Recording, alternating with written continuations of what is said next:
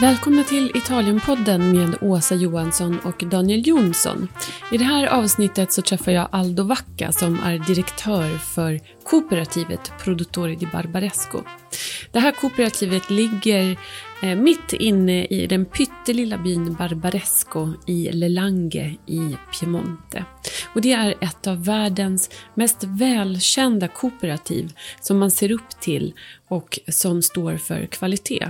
Ofta mm, står ju kooperativ, när man säger kooperativ så tänker man ofta så här, åh, volym, eh, billigt vin eh, av låg kvalitet. Men Produttori di Barbaresco har gått en helt annat, annan väg och blivit en referens runt om i världen. Det som är intressant är också att kooperativets historia går hand i hand med Barbarescos egen. Så hör vad Aldo Vacca, vars familj har en stark förankring till kooperativet, har att säga i den här ganska långa intervjun. Eh, hoppas ni tycker om det. Vi hörs snart. Ciao ciao! Giornate abbastanza calde, però per adesso non è ancora partito. Bene, ok. Um, so we have to talk English. ok, good. no yeah. problem. The, I, I read uh, um, older articles Mhm. where um, it said that your grandfather Celestino was one of the founders. Okay, so the- that's my father. Oh, your father. Yes. Okay. And how did you arrive here? Uh, the, the my family is very much connected with Produttori. Uh, the Produttori del Barbaresco Wine Cooperative was founded in 1958. But the first wine cooperative in Barbaresco was actually founded in 1894 in the castle of the village by the owner of the castle, which is also known as the father of Barbaresco, Mr. Domizio Cavazza. He put together nine farmers of the region or landowners, convinced them to bring their Nebbiolo grapes to the castle, and they started to make wine together and sell the wine under the name Cantine Sociali del Castello di Barbaresco. Out of those nine landowners, one of them was my grand grandfather. Okay. So my grand grandfather Giuseppe Vacca was a farmer that joined Mr. Cavazza in the first Cantina Sociale. That winery, that Cantina Sociale, was closed in the 20s. Produttori was reopened as a real wine cooperative in 58, and my father at that point, he was in charge of running the business Okay. because Produttori was founded in 1958 by the priest of the village, Marengo. Just, Don Fiorino Marengo, yes. Mm. He convinced 19 farmers to found Produttori. Among these 19 were both my grandfathers. And of all these families, the only person with a university degree was my father. what did he study? He studied economic, but he had, he had to interrupt because of the war. And then he finished briefly right after the war. He didn't have actually a, a diploma, a, a, a master degree from, from, uh, from university. He couldn't really finish it, but he did some studies. So he knew how to write a letter or to make a phone call. He knew now the basic of uh, mathematics and sales. And he worked for uh, at that point in 1958, he was working in the export uh, marketing office of uh, the Ferrero Chocolate Company in Alba. Yes. So, uh, so- Yeah, so we're, we're just standing up and closing the door. Perfect. So he left the work at the chocolate yeah, so uh, factory. the story is kind of interesting. 1958, the cooperative was founded by 19 farmers. Uh, the young, only um, person in the families with a degree or some capability of uh, management and marketing was my father, but he was working at the Ferrero Chocolate Company. So basically, they, the farmers and the priest told them, "You have to run the business." No, so he was in charge of running the business part time hmm. from 1958 to 1972. And why part time? Because it wasn't enough yeah. money in the Yeah. in the business. and it was too risky for him to leave a very good or hmm. decent job in Alba in an established company like Ferrero hmm. and to join a cooperative that nobody really knew if it was going to succeed or not. In fact, in the same year, uh, a similar wine cooperative was founded in the town of Neive, but after, after four years they closed it. Okay. They couldn't get along. They kind of disagreed, and the so you know for for these 19 farmers was kind of a, a quite a big uh, leap of faith. But of course, the priest was uh, an important person in the region, so he, he convinced the farmers to join, and my father uh, agreed to help the business to develop, and he really believed it. So what he did, he came here in Barbaresco every Wednesday night and every Friday night for the bookkeeping, and every weekend to sell the wine. So it was sold directly from here Yeah, mostly. Mainly, mainly sold here, and in those days, um, wine shops from Torino, restaurants, they were just coming over here Okay. on Sunday. You know, make a deal, buying a tasting and buying a barrel. And But there was no export to other countries. not at all. No. And how was how was Bar- Barolo doing at the a little better, a little better, yeah. But the cooperative in Barolo was founded in the same year, and pretty much had a similar evolution with one big difference that I tell you later. But so Barolo was more established because there were already, you know, at least uh, two dozen wineries making wine with a label. In Barbaresco, in 1958, the only winery with a label was basically uh, the Gaja winery. And everybody else were farmers selling grapes. So How was the situation here in 1958? a poor village, a poor village of farmers growing grapes, but also growing many other crops, mainly hazelnuts. And then uh, everybody had uh, some cattle, six or ten or two cows. So they had alfalfa and, and they had the corn in the flat, and then they have some wheat for flour and bread. So mixed agriculture, where grapes was the most important uh, um, crop uh, because of the value, but not the most spread. Okay. So it was quite different from what it is now. And which grape variety had the highest value? Was it Nebbiolo like today, or was it No, something else? until the early 70s, the best paid grapes was Dolcetto. Of course, the final wine was less expensive, but, but the Nebbiolo made the most expensive wine, but it wasn't paid that well, and there was not much demand for Nebbiolo. So there was more Dolcetto planted here in uh, Barbaresco than Nebbiolo until the early 70s. Only that started to change. So, so uh, um, um, the question now is why Yeah. it changed. But before that, why was it important to the priest Don Marengo to to open the uh, cooperative? The what priest, was the reason? priest was a, no, a young priest that came here, very involved with the social life of the village. He started a choir. He teach. He taught my father to play the organ, so he could play during mass. And then he started the marching band. You know, things that priests were doing in those days. But then he could see that the village was poor. The farmers here were actually all looking, young generation, looking for jobs in Torino, in Alba, or maybe even thinking of selling their land, but nobody was really buying land, so it was difficult. So they had, they were struggling to make a living. But the memories of the first cooperative, founded in 1894 in the castle, was still very alive in the village.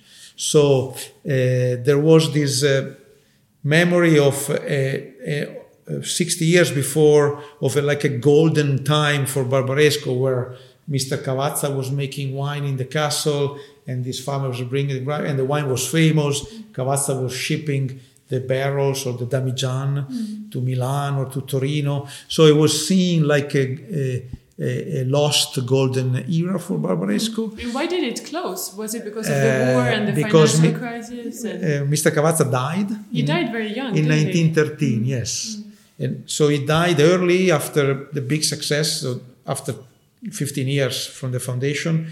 He died in 1913 20 years. 1913 first world war started.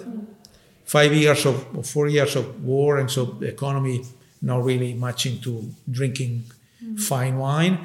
And then uh, we had fascism coming in 1922, and fascism didn't particularly like cooperatives, or it was more in favor of private uh, business. And then, of course, when the economy, the depression came, just the winery. Uh, without uh, without Cavazza, the castle was sold. The family that bought it, you know, they continued to make wine as a family with the name Cantine Sociali, but it wasn't a Cantina Sociale anymore. It was just one family. So no, that that experiment that put Barbaresco on the map and with a very brilliant start and very good wine because Mr. Cavazza was also the director of the wine school in Alba. So he made wine, but he made good wines. What what did he change like compared to before? What did he? So before the uh, very very little wine was made in Barbaresco. You know? The grapes were just sold, mostly to the Barolo people and probably to make Barolo. No, there was not a DOCG appellation. So in fact, the first thing that Mr. Cavazza did when uh, he was uh, the director of the wine school in Alba, in, he started there in 1888, and he was he bought the castle here, came to live here in Barbaresco with his wife. His two sons were born here. He he lobbied with the Barolo producer in order to enlarge the Barolo region he was thinking about a greater Barolo area, mm, including, of course, and also mm. Roero. Mm. He basically told to the Barolo people, we have this name Barolo, which is famous, made with Nebbiolo grape, 100%, but you are small, you don't know really, you're not that, you don't have enough volume. Most of the wines in those days, even in Barolo, was sold in barrels, like in Bordeaux. And so he told them, if we use all the Nebbiolo grapes, that are grown around the town of Alba. And we still call the wine Barolo, but we have more volume. We have a bigger zone, and we can center in Alba where there is the wine school and there is some rest. There are some restaurants and maybe some lawyers, some doctors. We can have Alba as a center of marketing and consumption and and um, research. So we can create here what they have in Bordeaux: a large town mm-hmm. and a large region and so or in uh, champagne same, sure. same, or even burgundy but barolo producers they didn't they like say no, no no no we don't we don't care now the fact that barolo between alba and barolo was like uh, it is like now like 12 kilometers but no railway no communication no telephone it was like a little secluded there mm. so his idea was interesting but of course one of his secret goal was to put barbaresco where he was living and where he had land on the map as one of the Barolo towns. Mm. When that was refused, he didn't give up, and Berry said, "Okay, if you don't want Barbaresco to be one of the Barolo towns, I'm gonna make a wine here." And you, know, you call it Barolo, I call it Barbaresco. So no, Gaja was making wine here before. Some people was writing. Uh, Barbaresco, Nebbiolo di Barbaresco on a label with, by hand, but the first commercially significant effort to make Barbaresco in the same style as Barolo was done by Mr. Cavazza in 1894 in the castle in the Cantina Sociale. And because he was the director of the wine school, he made the wine a proper way dry, fruity, good tannin, good for long life. Before that, the wine was made here, most of the time was dirty or cloudy, sometimes it was sweet, sometimes it was mm. more dry. So it was made like farmer's wine. Sure. He was the first one to really make it in a proper way, just like they were already doing in Barolo since a few few decades. Then without him, Barbaresco sort of went back into a, we can say, into, in, a, in a lethargy. Mm-hmm. Now the, the farmers started to again sell their grapes to whoever was buying it. Between the 20s and the 50s, the only winery establishing itself with a reputation here was Gaja. But even Gaja, until the early 50s, was a a, a, producer making many wines Barolo, Barbaresco, Asti Spumante, Barbera d'Alba, Dolcetto d'Alba, just like uh, uh, Brunotto or Fontanafredda or Pio Cesare. And even Gaja was mainly buying grapes. He was intelligent, uh, the father, and even more the son, Angelo, and so he, he understood in the 50s or the late 50s the importance of owning land. So Gaja was the first one of the producers of the region of uh, the Langhe to invest in land. Mm. He was the first one to become 100% estate bottling. of the big of the big sure. wineries. No, people like uh, again Brunotto, Fontana Fredda, Batasiolo, Ratti, Vietti, uh, Ceretto. They were all buying grapes, mm. and Gaja was the first one to switch and start. And after him, everybody else also switched. So the the value of the land slowly started to to increase. But uh, so in this situation, poor when these poor farmers, the priest idea was to to to bring back here in Barbaresco what Cavazza was able to do in uh, in 60 years before, in 1894. Was the cooperative built in the same way in 58, or did they change something? Uh, like was it to like, the old one? Yeah, like the structure. Was it the I same? I think structure? it was different because in those days, uh, in the Cavazza day, it was basically Mr. Cavazza. He had this idea. He made the. Uh, he went to a public notary, and they did this uh, community. Uh, like they signed this document where mm-hmm. they all participate in the in the profit of the business, but basically was Mr. Cavazza do, running the show mm-hmm. in the in the castle. In the 50s, end of the 50s, the government of Italy, just like in France or Germany or Spain, was giving funds to small farmers in order to group together and start cooperatives. So many cooperatives were founded all over Europe. Uh, m- most of these famous cooperatives that uh, still exist now were founded in the mid 50s or late 50s, early 60s, mm. like La Chablisienne or a lot of cooperatives in Tuscany, in Spain. Um, most of these cooperatives were founded to make everyday simple wines. Produttori was one of the few exceptions because the priest had this idea to found a cooperative not just to make wine but to bring Barbaresco back where it belongs, side by side with Barolo. So the priest told the farmers, let's group together. Let's build a little winery next to the church. Let's start to make wine here together as a cooperative. But let's do what Cavazza did. Let's make Barbaresco only. Mm. So no Dolcetto, no exactly. Barbera. So from yeah. the start it was only yeah. Nebbiolo. From the start we decided to be monovarietal. Mm. Only Nebbiolo from the Barbaresco zone and nothing else. So while for uh, many other cooperatives that were founded in Piemonte started to make, as normal, as most wineries, a lot of different wines, this winery focused on Barbaresco. And in those days, Barbaresco was not an easy sell. No, but why wasn't it an easy sell? Because it's so easy to forget the very short history it yes, has. Everyone's yes. like, oh, Barbaresco, Nebbiolo lovers yeah. on Instagram. and Because again, after two world wars and uh, fascism and depression, Barolo was better off than Barbaresco. So the 50s were poor years where people were drinking a lot of wine every day, but a lot of cheap wine. Mm. The, the drinking of Barolo and Barbaresco was reserved only for special occasions. And of course, these days, you know, a special occasion is a Wednesday dinner with your spouse. Mm. But in those days, a special occasion was either a wedding or a big anniversary mm. some sort of celebration. So maybe twice a year there mm. was the chance to drink Barolo or Barbaresco. And in those rare special occasions, Barolo was the first choice. So Barbaresco was a special occasion second choice wine. So the market was extremely limited for Barbaresco. The, it was a wine with a reputation because there was this idea that Barbaresco was similar, the little brother of Barolo, but without a market. No, very few people actually drunk Barbaresco.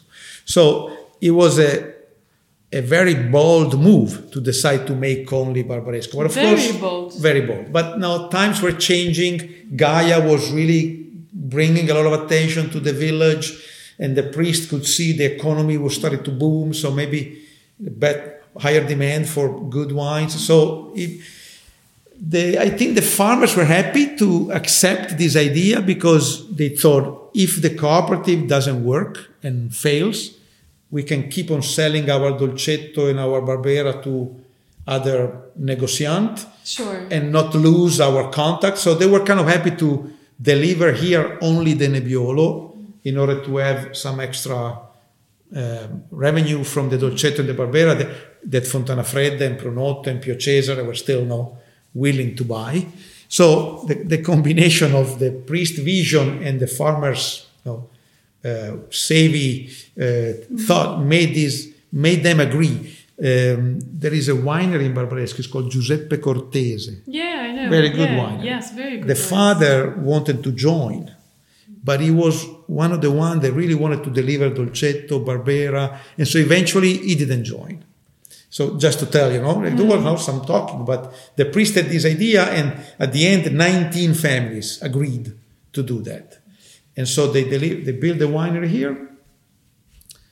It took a couple of years to build the winery. So the first two harvests, 58 and 59, were crushed in the priest house uh, basement, which is down the street. It's still in the same place when you come into Barbaresco. You still see the church, and then on the right side you have the Same place. Produttori. Exactly. So the first two vintages were crushed there, sold mainly in bulk, just to make some cash.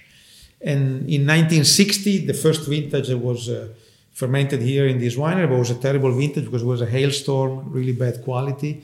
61, finally, one of the vintage of the centuries, exceptional quality.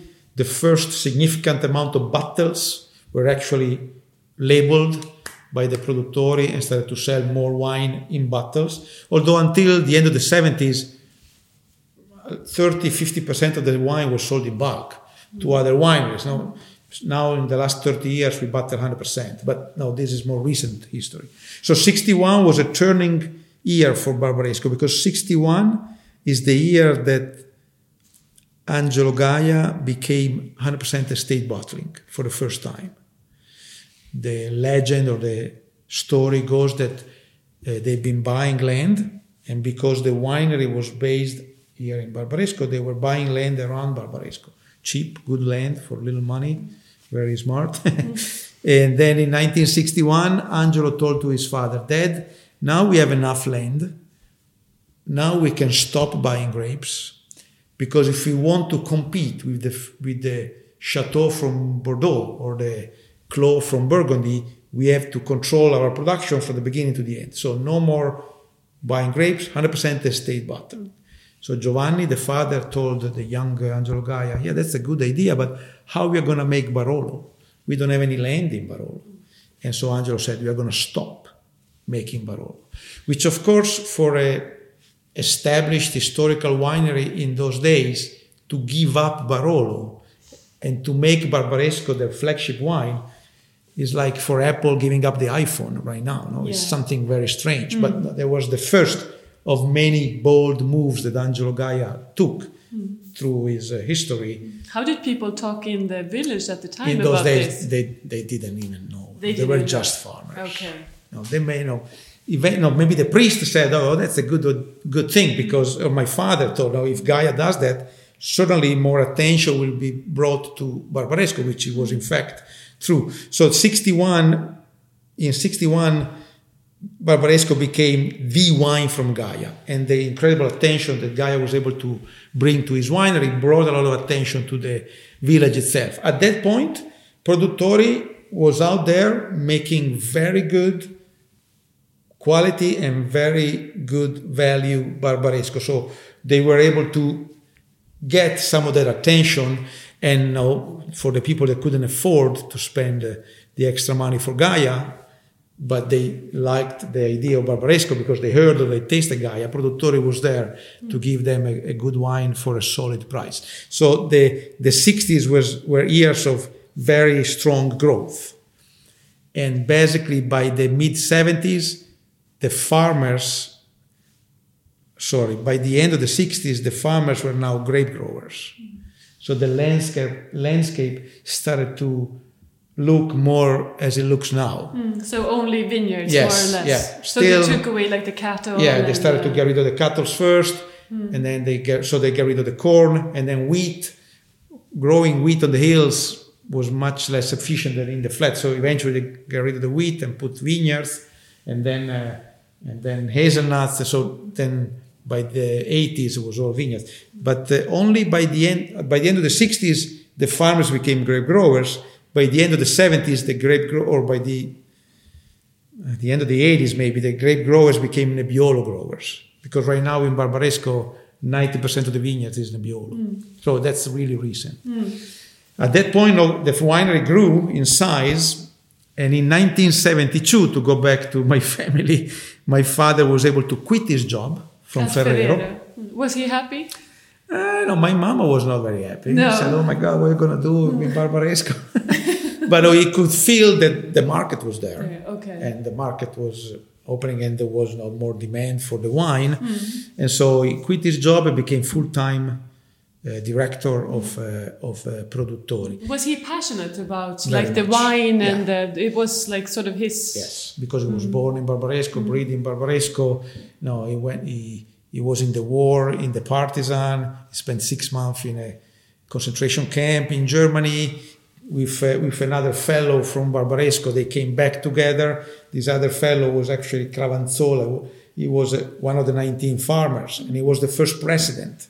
So my father was the first director, and he was the first president. They kind of worked together with the priest. So no, it, there was a lot. Of course, it was a, it was a job, but it was also a lot of passion. For him, it was much better to work in Barbaresco to do something for the village than working for the mm-hmm. chocolate company, mm-hmm. where no, it was a good job, but he had no passion. Sure. In the, but in also the, chocolate. connection to the land, like the land to the family. almost lost, yes, right? exactly. Mm-hmm. So uh, at that point, I was just a kid, but I you know grew up uh, uh, in the in the in my uncle's vineyards on both sides of my family. They were all part of Produttori, so helping in the harvest, coming here at the winery where my father was working.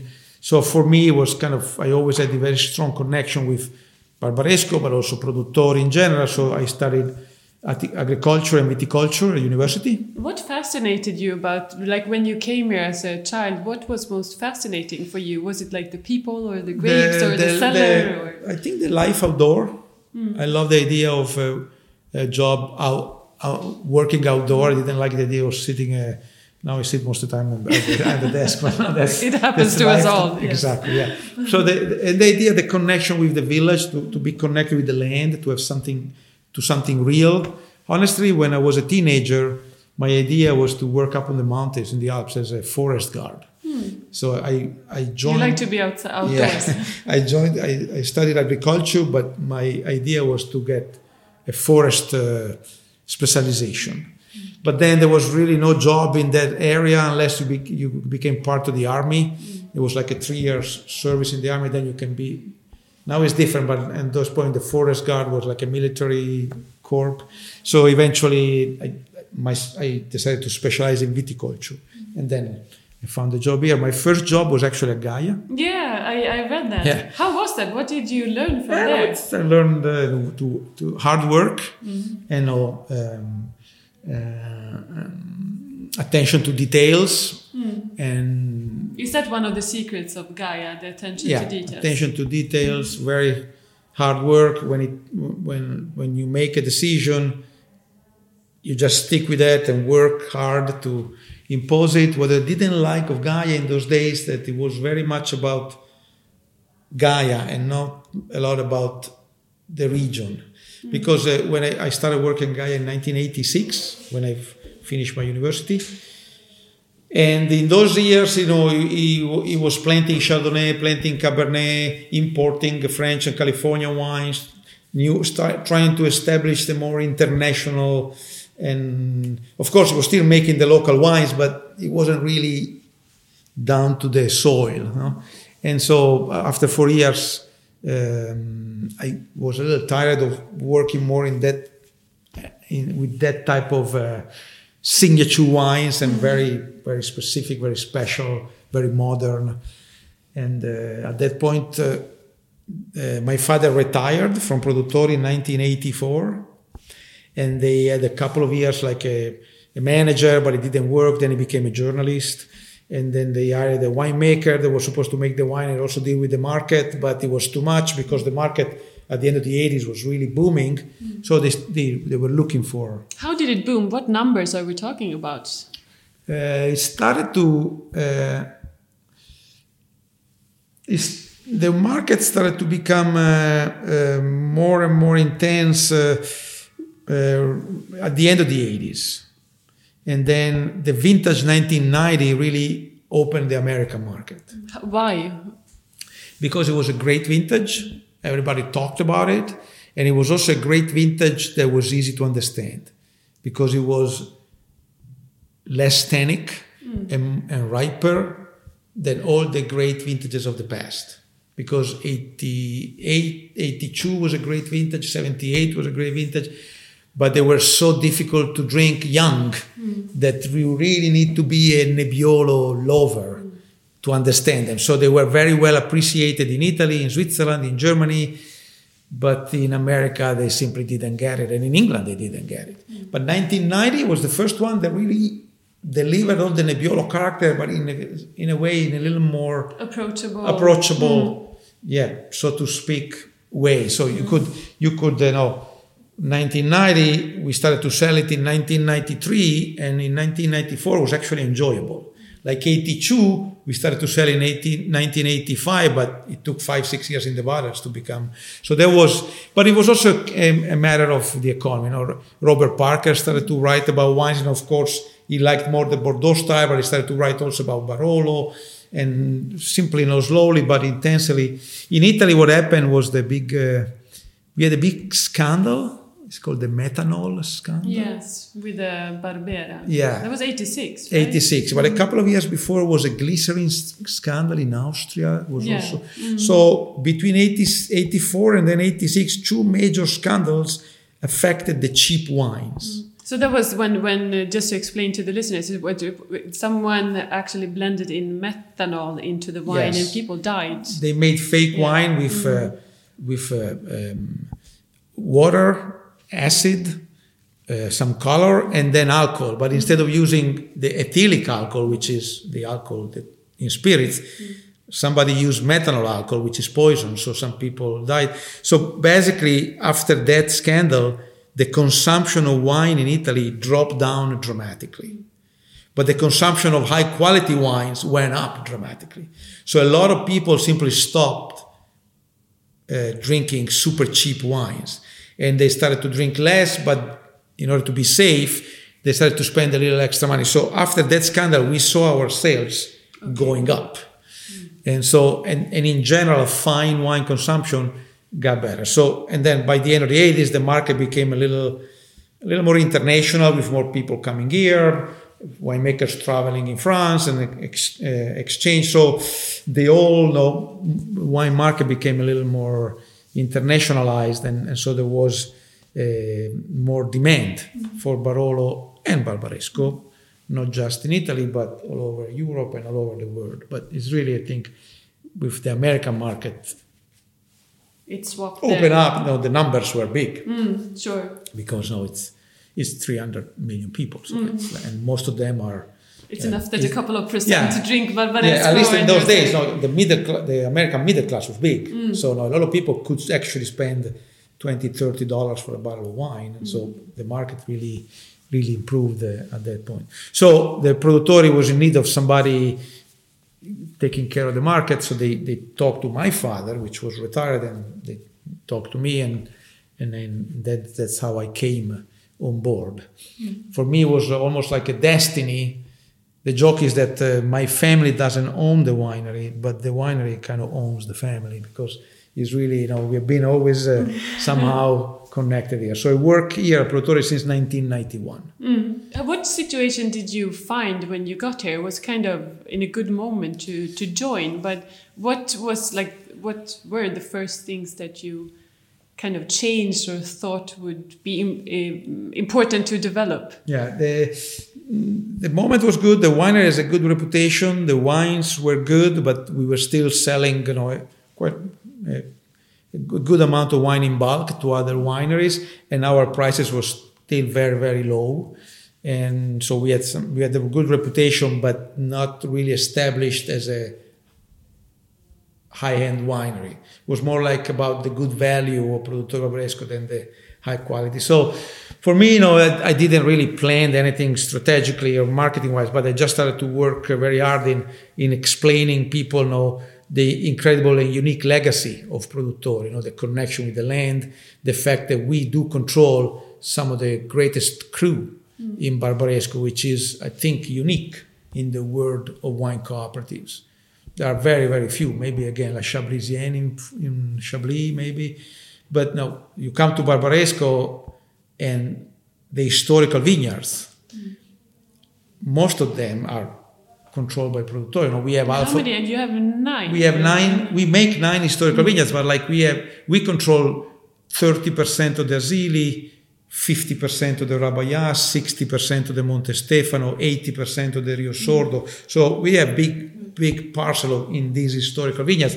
We can, so therefore, offer fantastic uh, wines. So we, I started to focus more and more on the single vineyards, developing that line, uh, not just as a good wine value for the money, but like good wines, period. You know, they can stand side by side with any other high-end Barbaresco. And now that message slowly um, came true. So then what happened I, I, uh, in the new millennium, with the beginning of the new millennium, two factors happened very important that really boomed the produttori market. The first is that uh, first uh, the wine people like sommeliers and uh, journalists or restaurateurs, and then the public in general got a little tired of uh, um, these international modern style wines with too much oak or too soft, and everybody wanted to taste the more authentic, classic character of a wine from the region.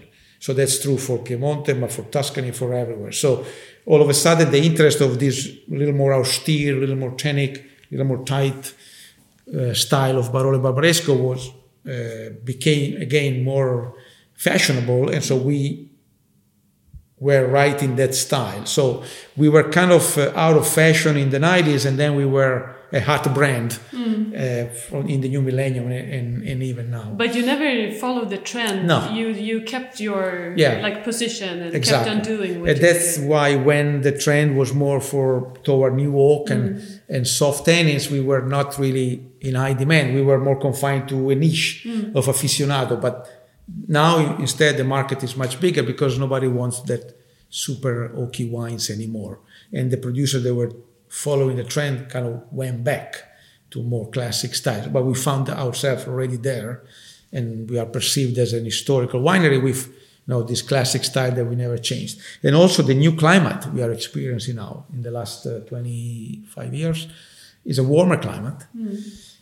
And it's warmer end of the season that gives naturally riper tannins and softer wines. So even if you make a classic style, the wine is not as aggressive as, it was used, to be. So the combination of people wanted a little more authentic and the, the classic wine being softer naturally really makes uh, our style more fashionable, more in vogue right now. So we find a very strong uh, market that is, uh, you know, kept keeps uh, stays strong year after year.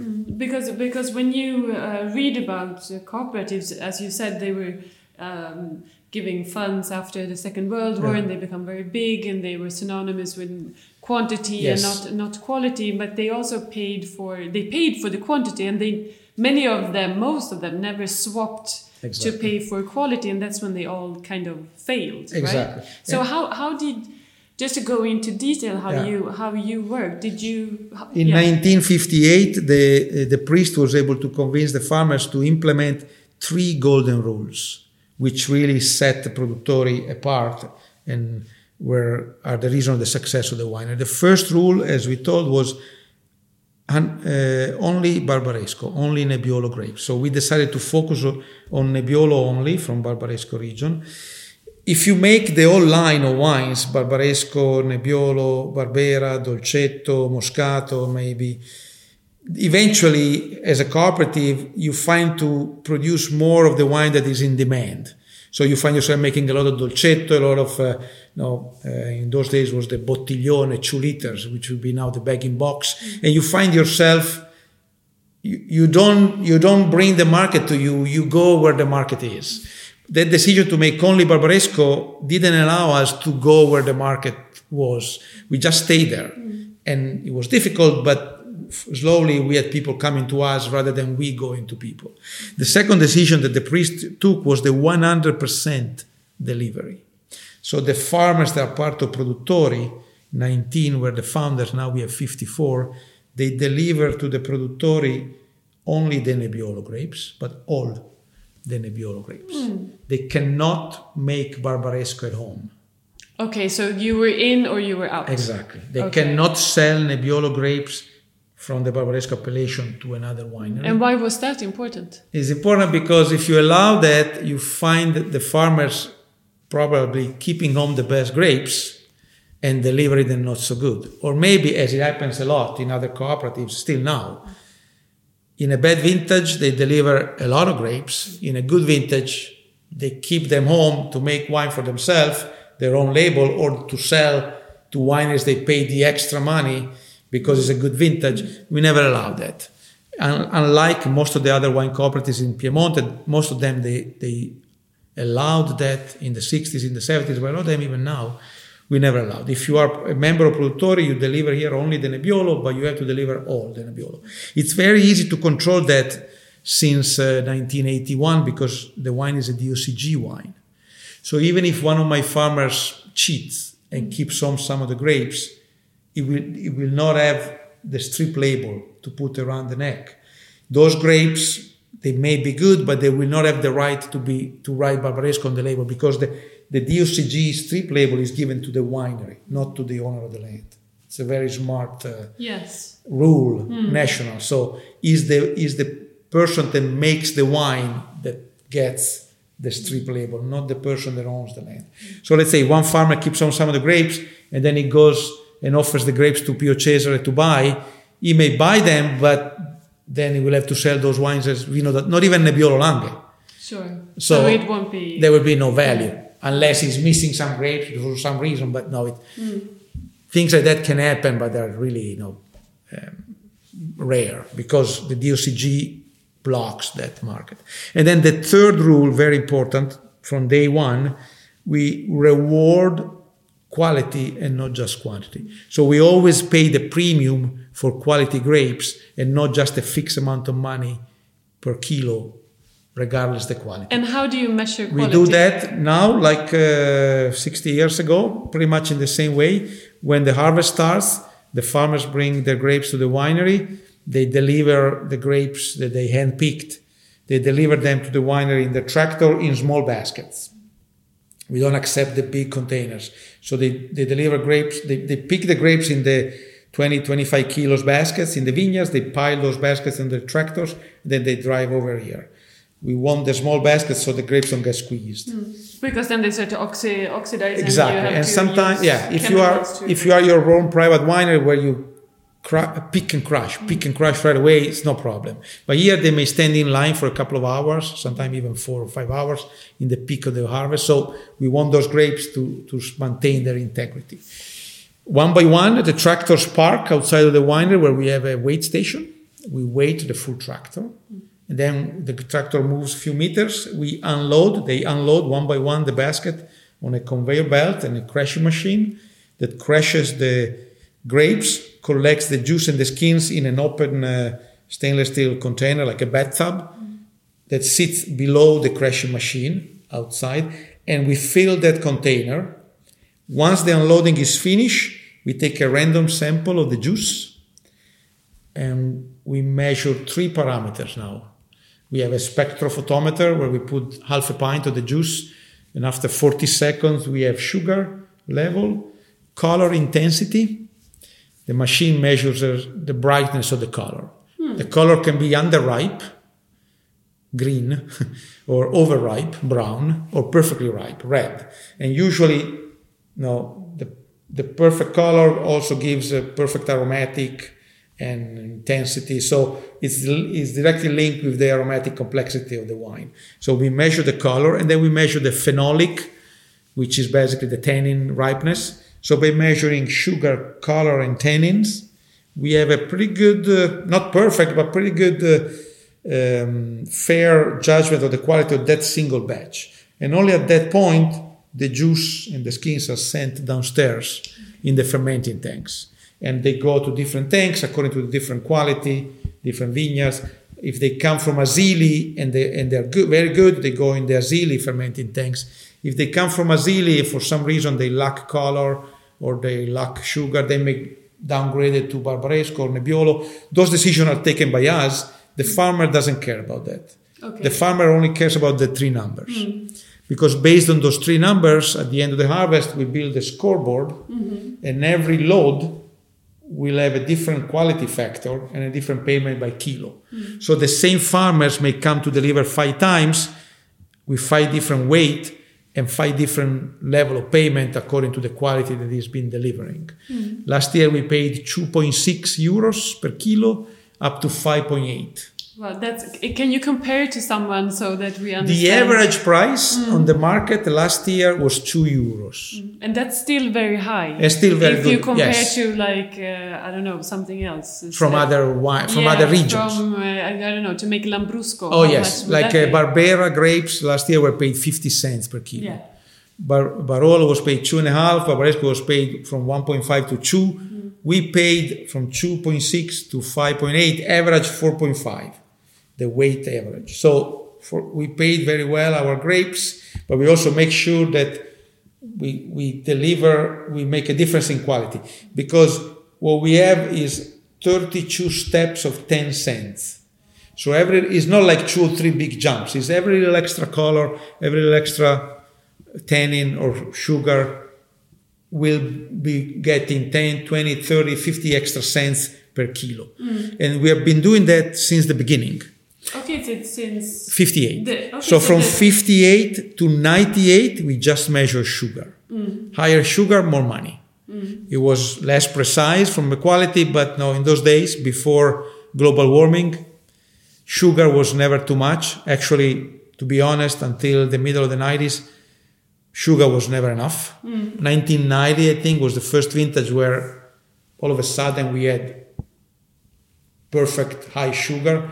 Most of the time, all the work in the vineyard was done in order to have as much sugar accumulation as possible in the grapes, and it was never too much, never perfect, because the higher in that conditions, higher sugar also meant riper tannins, higher higher color, higher complexity. Now it's only you know 90 was like an exception, and then again 19 eh, a 97 was really the first global warming vintage.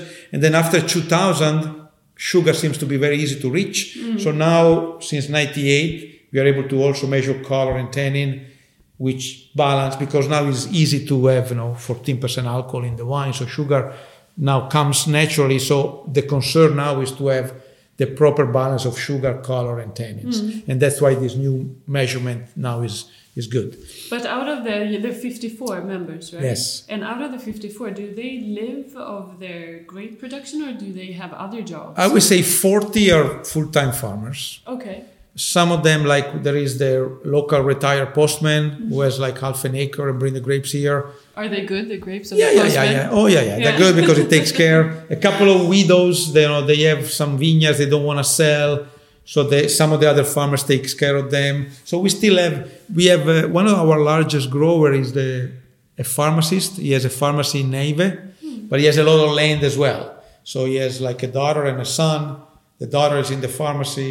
The son is now running the farm. So no, there are situations like that, but uh, the majority are like farmers. They mainly grow Nebbiolo grapes these days.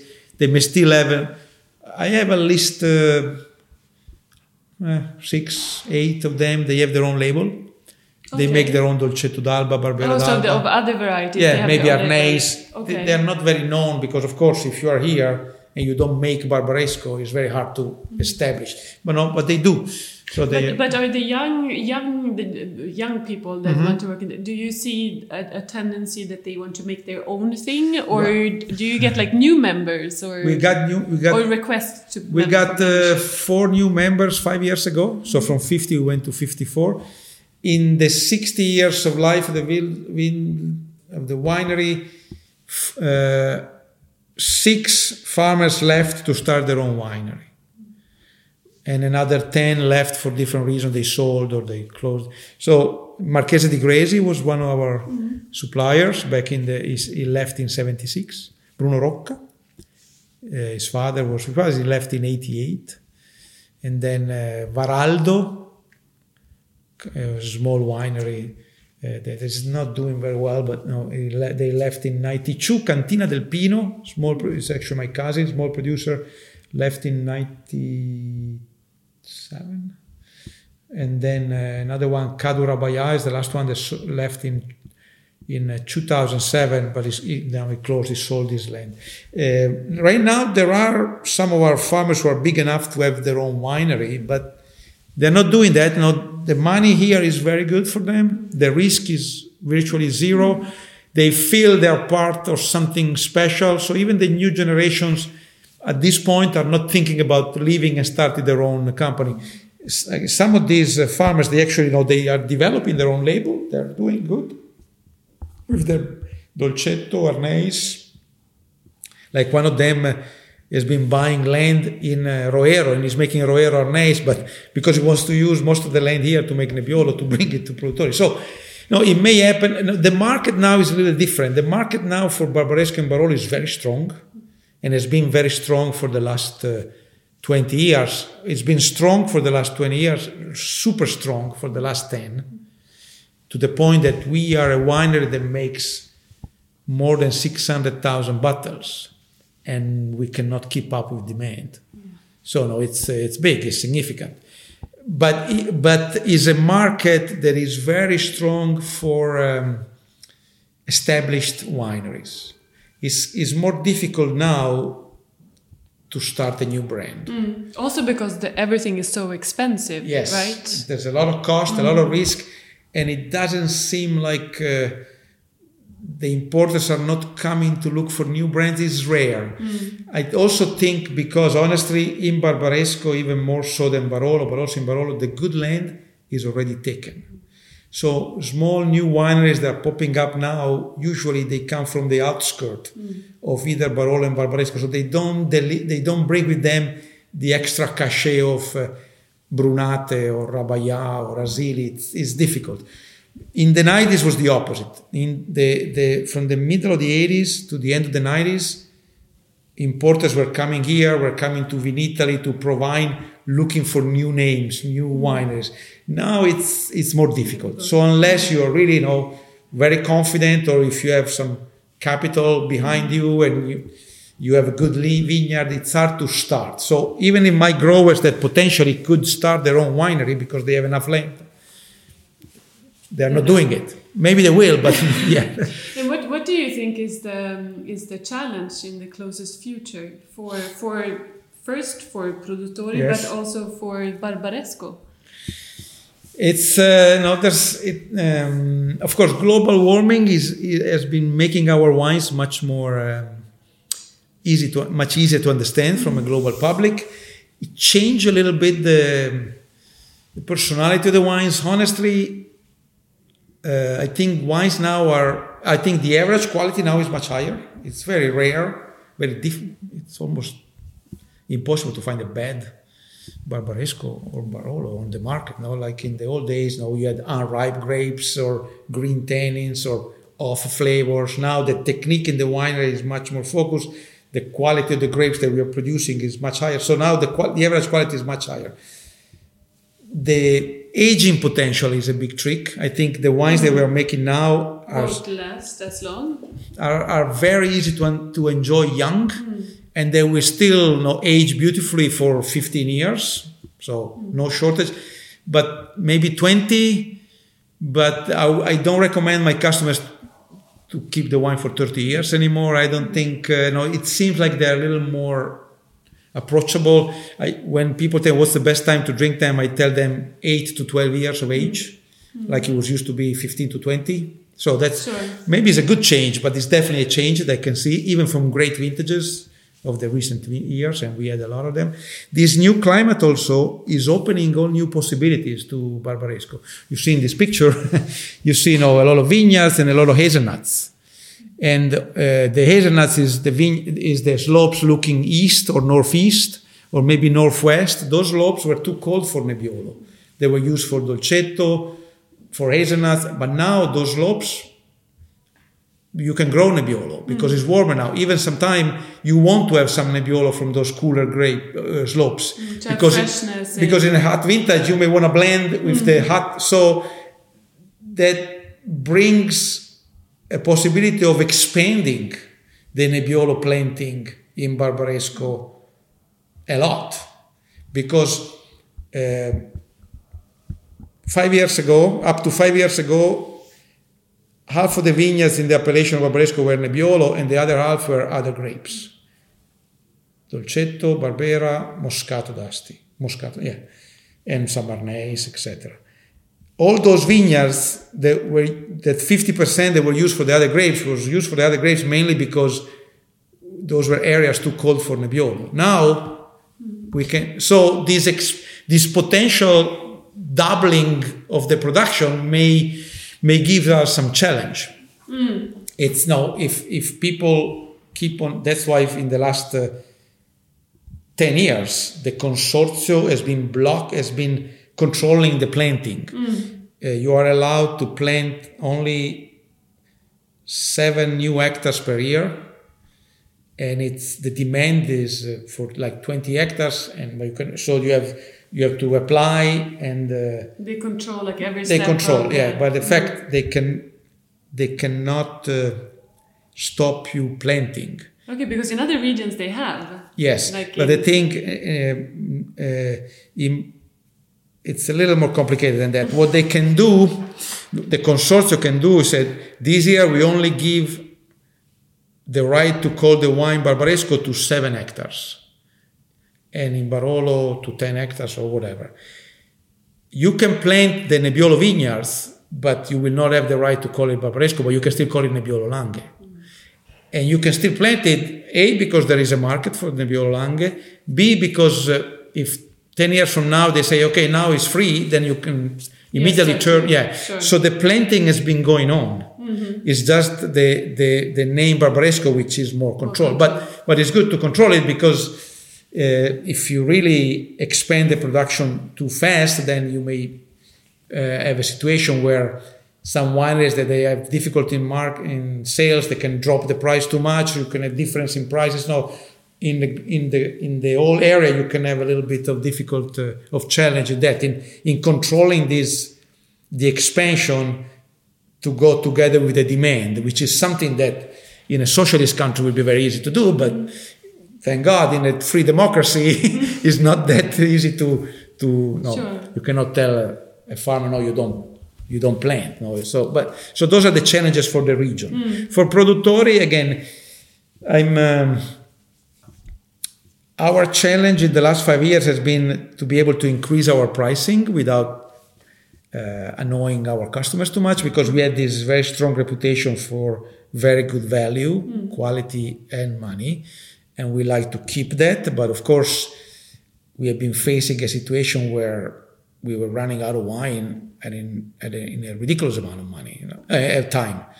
Like the vintage 13, 14, 15, by April, I, I started to sell the wine in September and by April I was out of wine. So from April to September I had no, no wine no to wine. sell, and it just so mm. And no the only Do way. You have to say no to customers. Oh yeah, that's my in the last three years my job has been it became to say no in a kind way, mm. and most of the time I'm able to do that, but sometimes. Uh, are you no. good at it? yeah, I'm. I I, I, I yet to learn it. Yeah, some yeah, but now Maybe there is that day that you are, know, for some reason, you're a little more mm. in in a rush, and so you can, you know, displease people. But no, it's a good situation. But uh, uh, we we we like we we want to put our price at a little higher level without uh, losing the reputation for value. But still, we we need to we need we don't work, we don't really want to expand our production too much, but we want to to set our pricing at a level that is more more more linked with the real quality of the wine, which is now is considered second to none, basically. Yeah, yeah. yeah. And what what do you think is the role of um, cooperatives in Italy today? Uh, there is um, there are two very big differences. Now, there are cooperatives like us, and there's a couple of others like us in uh, Piemonte. Uh, there are all the one in uh, Südtirol, and few others exception, which are there to give the small farmers a chance to make a good living, a good money, and to stay with their land and to give them a feeling of uh, belonging and proudness.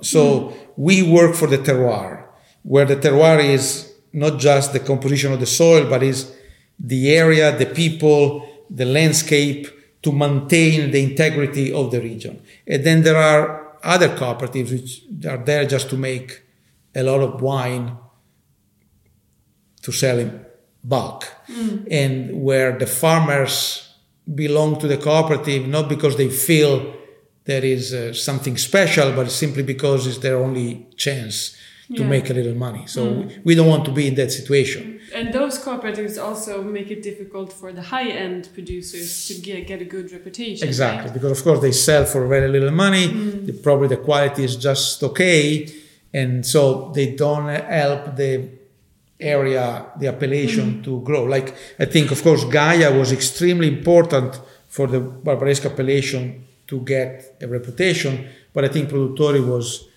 just as uh, almost as important yeah. because you know constantly setting a good uh, average standard, bringing out consistent quality, focusing on the great vineyards of the region. It, has been all very important, and we did it as a company. We always did not to put our name, mm. our signature on the market, but to put the village on the market. Mm. So, for example, in this in 1967, Gaja started to make single vineyards the famous vineyards he makes, those are brand names, mm. fantasy names that belong to Gaja. Like we started in the same year, but we put on the map the regional names. Yeah. Rabajà, Asili, mm. That now everybody can use. That was also very early, like very 67. Yeah. It was like no one was talking about single yes. vineyard in Italy. They were like all planting Absolutely. the wrong things in the yeah, wrong place. Exactly. So it was. So like in, in, that aspect, so Barolo and Barbaresco were, were and still are ahead of other mm. regions because we have this connection with Burgundy. Mm. And also the type of grape that we grow as that type of terroir mm. character. But you're also quite stubborn as people, yes, aren't you? Yes, yes. So in Barolo they started to make the single vineyards. 65, I think, mm. was the hmm. first time. Ratti, Vietti, Gaja, of course, started in 67. We also started in 67. Hmm.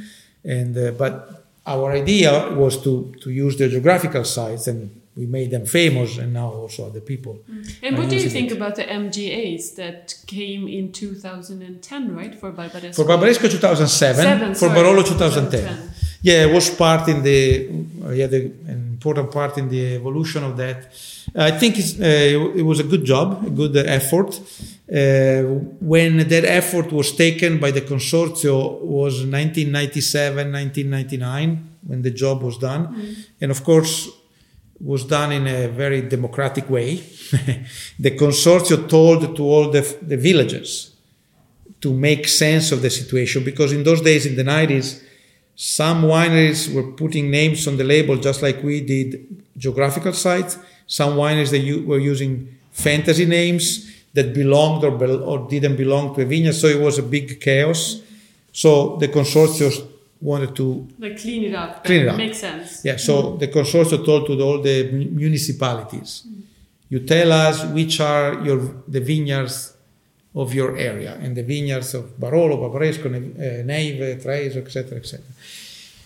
The, f- the first idea was to tell the municipality, you tell us which are the, the Grand Cru, the historical vineyards. But that created issues because how we define them. Mm.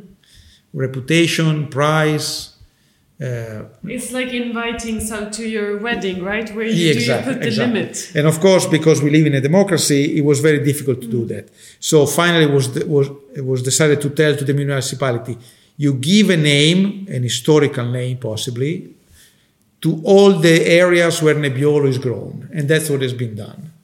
So the municipality had a number of meetings with the owners of the area that was called Asili, the area was called Rabajà, etc.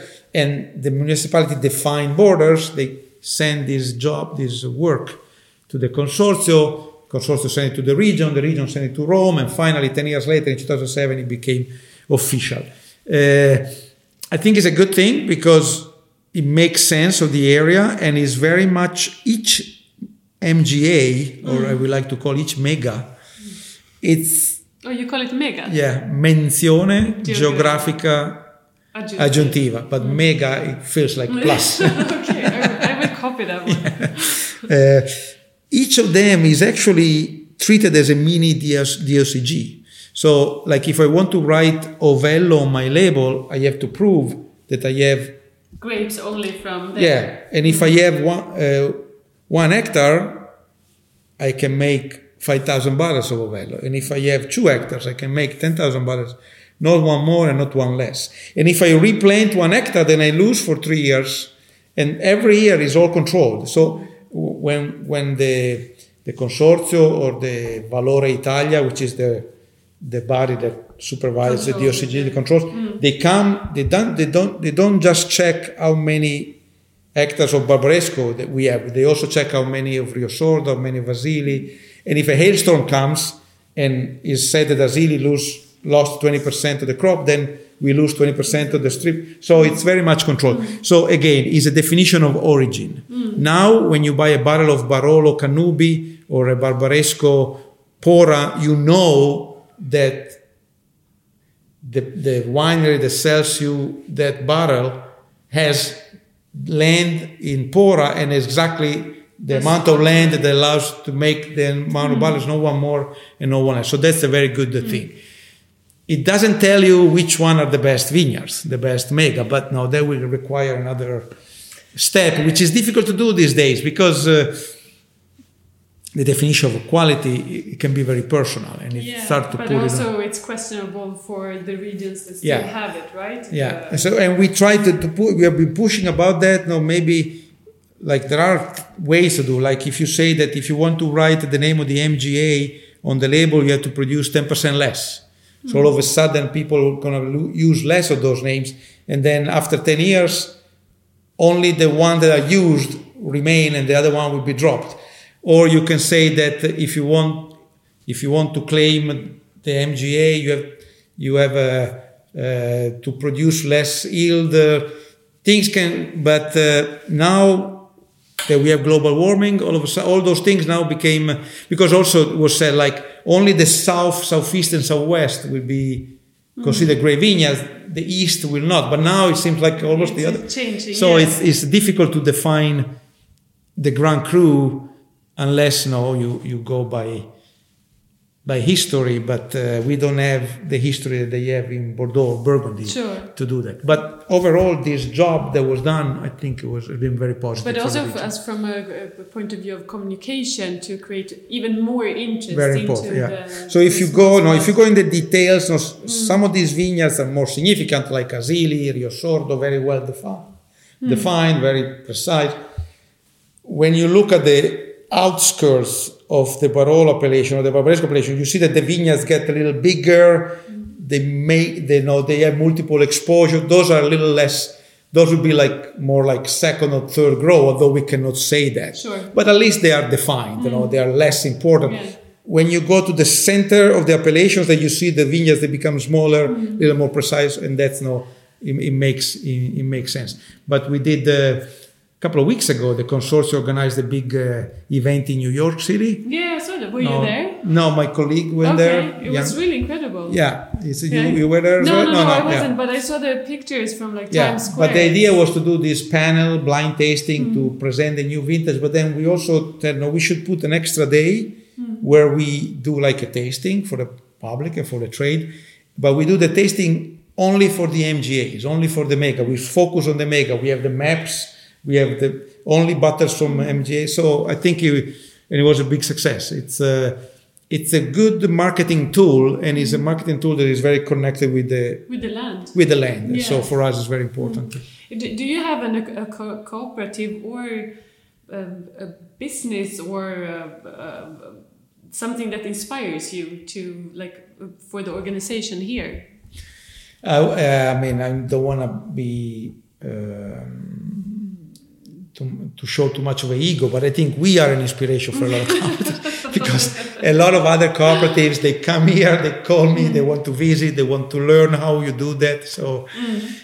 our inspiration was Domizio Cavazza and mm. his uh, cooperative from uh, 1894. Mm. When I came here in 91, the pattern was uh, defined, and when when my father started here and the, the, the founders and they established the reputation really there was nothing like Produttori Barbaresco in mm. Italy. Mm. I don't even think in Alto Adige, which are no in the in the last 40 years they are famous for high quality, mm. but back in the 50s I'm not sure. So I think really we we just uh, we led the lead the way Hmm. of these quality oriented wine cooperatives, at least in Italy. Hmm. Okay, just about the, the size, I, I just thought about what we have been saying now, but if we talk about the Barbaresco is around 800 hectares. Yes, right? seven, 750, seven, yeah, Yeah. 800. So, and how, how we much? control 117 okay. hectares. So it's a very important. yeah, we are the largest uh, players, hmm. the last, largest owners,